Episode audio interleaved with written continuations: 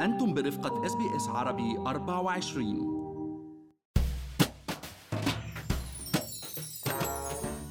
أسابيع الإغلاق العام الطويلة بفيكتوريا شلت الحياة الاقتصادية فيها تقريبا. ولكن الأسبوع الماضي تم الإعلان عن تخفيف القيود وإعادة فتح الاقتصاد للعامة وأخيرا بدأت الولاية ترجع تدريجيا للحياة الطبيعية ورجعت عجلة اقتصادها للدوران. الإغلاق العام للحد من انتشار الوباء في الولاية كانت تكلفته عالية وكان لها أثر كبير على قطاعات كتيرة. أهمها قطاعات السياحة والترفيه والرياضة وتجارة التجزئة والقطاعات المرتبطة فيهم.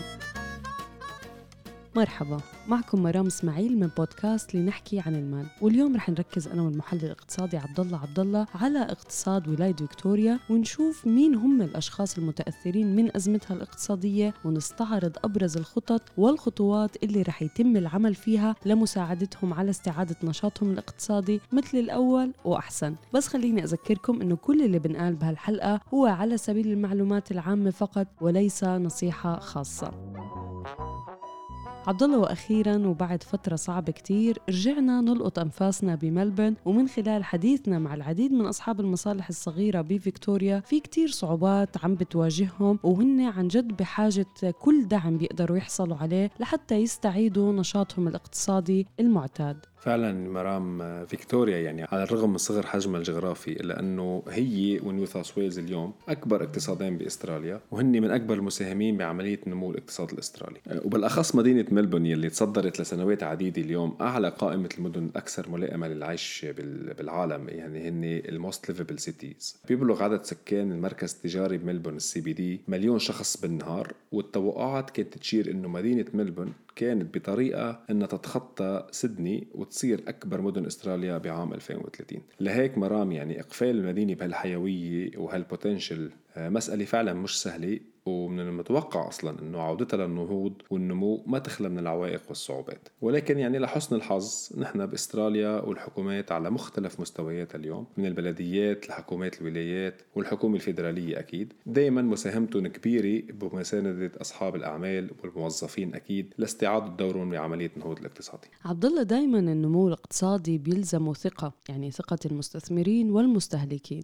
والحجر الأساس لاستعادة الثقه وغياب اللقاح لك كوفيد 19 هو التأكد أنه فتح الاقتصاد بتم بطريقة صحية وآمنة طبعا عبر التأكد من المسافات يعني بين الأشخاص والنظافة والتعقيم وأكيد تتبع الحالات بشكل إلكتروني والتشدد بهذا الموضوع. مزبوط مرام يعني وخاصة بال CBD اليوم والكثافة السكانية اللي فيها وإنه تعتبر اللي هي الرئة الحيوية لفيكتوريا كسب ثقة الناس للعودة لزيارة هالمدينة والمشاركة بالنشاطات الترفيهية والاقتصادية أمر كتير أساسي. ونحن يعني هلأ فايتين على موسم الأعياد والكريسماس والسفر الدولي ما في. لهيك يعني من الضروري إنه البلديات اليوم آه، بفيكتوريا وحكومة الولاية تقوم بتنظيم ورعاية نشاطات ترفيهية لجذب مش بس سكان الولاية ولكن سكان الولايات الأخرى وخاصة أنه التوقعات إن شاء الله آه، بفتح الحدود بين الولايات صارت قريبة إلا إذا لا سمح الله صار أي تطور سلبي بالأيام اللي جاي. إن شاء الله ما بيصير تطور سلبي أو أي شيء سلبي يا عبد الله. ثينك إنه إحنا اكتفينا هالسنة يعني الحمد لله. ممكن نوفر إشي للسنة الجاي مش غلط. بس يعني إذا بدنا نيجي لموضوعنا الأساسي اللي هو طبعا الأشياء اللي رح نستفيد منها أو المصالح أو الأشخاص اللي رح يستفيدوا منها آه، هلأ في منح كتير عبد الله رح نحكي عنها آه، رح نحكي عن مشاريع ولكن نبتدي خطوة خطوة زي ما قلنا وأول شيء حكومة الولاية عم بتقدم منح مالية بتصل قيمتها ل 2000 دولار لمجموعات مكونة من كبار السن من خلفيات متعددة ثقافيا ليحصلوا على مساعدة فورية لدعم أعضائهم وبناء علاقات أقوى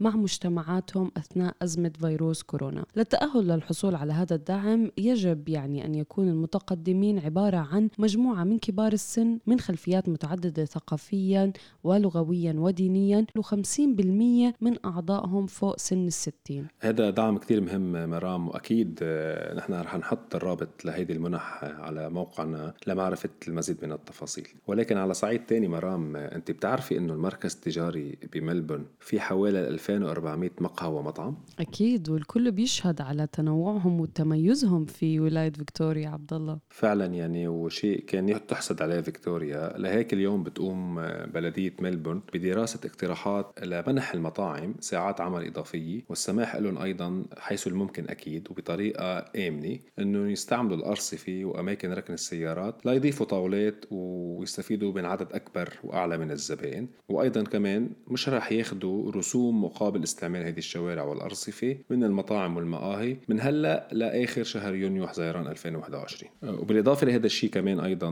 في منحة لكل مطعم أو مصلحة بتقدم خدمات ترفيهية بتبلغ قيمتها 5000 دولار بتخولهم يقدموا الأكل وعملية الترفيه بالهواء الطلق. وأكيد لتساعدهم يتكيفوا آه، بطريقة عمل جديدة تكون أكيد كوفيد سيف المنح متاحة لشركات أو مصالح في قطاع الضيافة بما في ذلك عبد المطاعم والمقاهي والحانات والبارات والنوادي وأماكن تقديم الوجبات الجاهزة. ويمكن للشركات المؤهلة إنها تحصل على 5000 دولار إن تستخدم هاي الأموال لدفع ثمن مثلا إذا بدهم يحطوا عفش برا عبد الله مظلات أساس خارجي شاشات وغيرها من المعدات. ورح يساعد هذا البرنامج كمان في نقل تناول الطعام والمقاهي الداخلية اللي بحبها الفيكتوريين إلى الخارج الخارج في الهواء الطلق ويمكن كمان للمتلقين استخدام المنح لتدريب موظفيهم أو عمل يعني حملات تسويقية. وبسياق متصل بتسعى بلدية ملبورن لإعادة تصميم بعض الشوارع مثل شارع ليتل بيرك وليتل كولينز وجعلهم أكثر يعني ملائمة للمشاة والدراجات الهوائية بحيث يسهل تنقل أفراد المجتمع بطريقة أفضل. أكيد هذا الإشي بسياق استعادة ثقة الناس لعودتهم للمدينة وبالتالي جذب أكبر أكبر عدد منهم لدعم هاي النشاطات وهاي الأماكن. وكانت حكومة الولاية عبد الله خصصت 500 مليون دولار كبرنامج دعم للبلديات للقيام بهيك أنواع مشاريع تطويرية للشوارع والبنى التحتية وجعلها أكثر أمانا للمشاة وأكيد أولها من ناحية صحية. مزبوط مرام ومن ناحية تانية كمان تدرس أيضا بلدية ملبورن آه، إمكانية استئجار بعض المحلات الخالية اليوم لدعم أفكار تجارية جديدة وخلاقة ودعم الجمعيات والنشاطات تبعيتهم.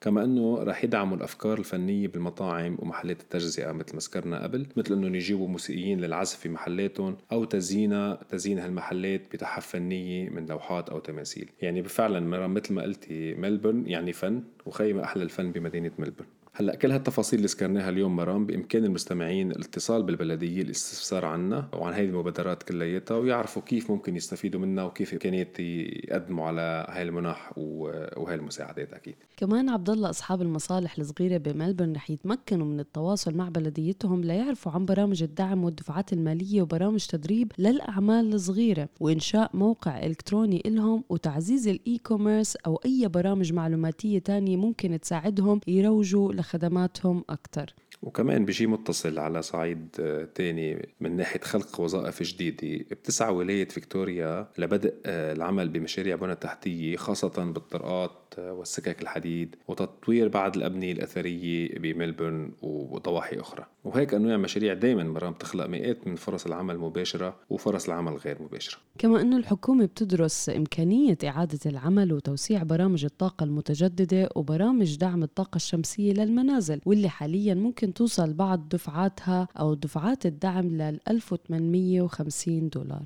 وكمان في دراسة جديدة لتطوير آه، الاقتصاد آه، الدائري circular economy آه، بالولاية. واللي فكرته مرام هي بكل بساطة إلغاء كل المخلفات والنفايات بشكل نهائي عبر إعادة استعمالها بأشكال مختلفة من إنتاج السماد الزراعي لتوليد الطاقة وغيرها كثير من الأفكار والمشاريع المبتكرة. بالنسبة لحكومة فيكتوريا اليوم هيدي الاستراتيجية تعتبر من أحجار الأساس للتنمية المستدامة وهن رح يشتغلوا مع البلديات كافية لدعم هيك أنواع من الابتكارات والمشاريع. وهي يعني مش أفكار جديدة اليوم بفيكتوريا ولكن أزمة كورونا اضطرت الحكومة لتسرع العمل بهيك خطط وهيك مشاريع. وبما إنه عم نحكي عن التنمية المستدامة عبد الله بتبقى عملية تنمية النشاطات الاقتصادية بالضواحي لتخفيف الضغط على المركز التجاري بملبورن عملية أساسية وحيوية. ولهيك اليوم عم تدرس حكومة فيكتوريا عدة أفكار تطويرية لتعزيز اللامركزية الاقتصادية بالولاية وتحسين النشاطات الاقتصادية أمام أي إغلاق محتمل بالمستقبل المتوسط أو البعيد. يعني بالفعل مرام طريق التعافي اليوم طويلة ونحن بهالحلقة حاولنا نلخص أفكار عديدة بتبحثها حكومة الولاية والبلديات اليوم إن كان على المدى القصير أو على المدى المتوسط والبعيد لاستعادة النشاط بفيكتوريا بشكل كامل واسع وأكثر استدامة. مستمعينا بنتمنى لكم عودة عودة آمنة للحياة الطبيعية واستعادة نشاطكم الاقتصادي بشكل سريع ومثمر بالنجاح. ونحن مستمرين معكم ضمن بودكاست لنحكي عن المال كل أسبوع لنطلعكم على كل ما هو جديد ومفيد لحياتكم المالية والعملية في أستراليا.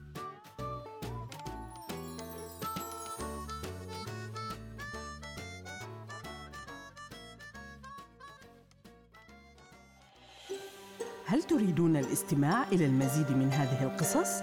استمعوا من خلال أبل بودكاست، جوجل بودكاست، سبوتيفاي أو من أينما تحصلون على البودكاست